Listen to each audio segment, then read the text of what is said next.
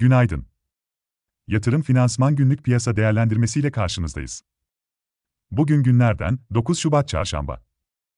Amerika Birleşik Devletleri'nde geçici bütçenin onaylanması, olumlu bilançolar, FED kaygılarının kısmen yatışması gibi nedenlerle dün belirgin tepki alımları gördük. Bu sabah da Amerika Birleşik Devletleri vadelileri ve Asya borsalarında alımlar sürüyor. Borsa İstanbul'da pozitif açılış bekliyoruz. Son iki gündür para girişiyle yaşanan olumlu seyir, bugün de devam edebilir. İş Bankası'nın beklentileri belirgin şekilde aşan dördüncü çeyrek finansal sonuçları nedeniyle bankaların ön planda olabileceğini düşünüyoruz.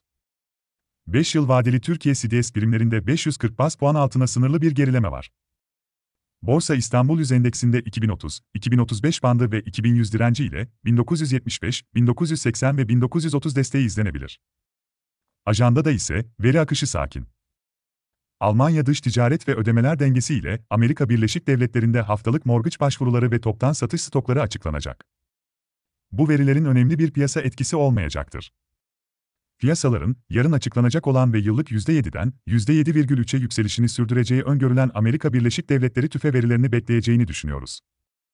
FED politikalarının göz önünde olduğu bu dönemde, FED yöneticilerinden gelen mesajlar da önemli olabilir. Bu akşam 18.30'da Fed Guvernörü Michelle Bowman, 20'de ise Cleveland Fed Başkanı Loretta Mester konuşacak. Yatırım finansman olarak bol kazançlı bir gün dileriz.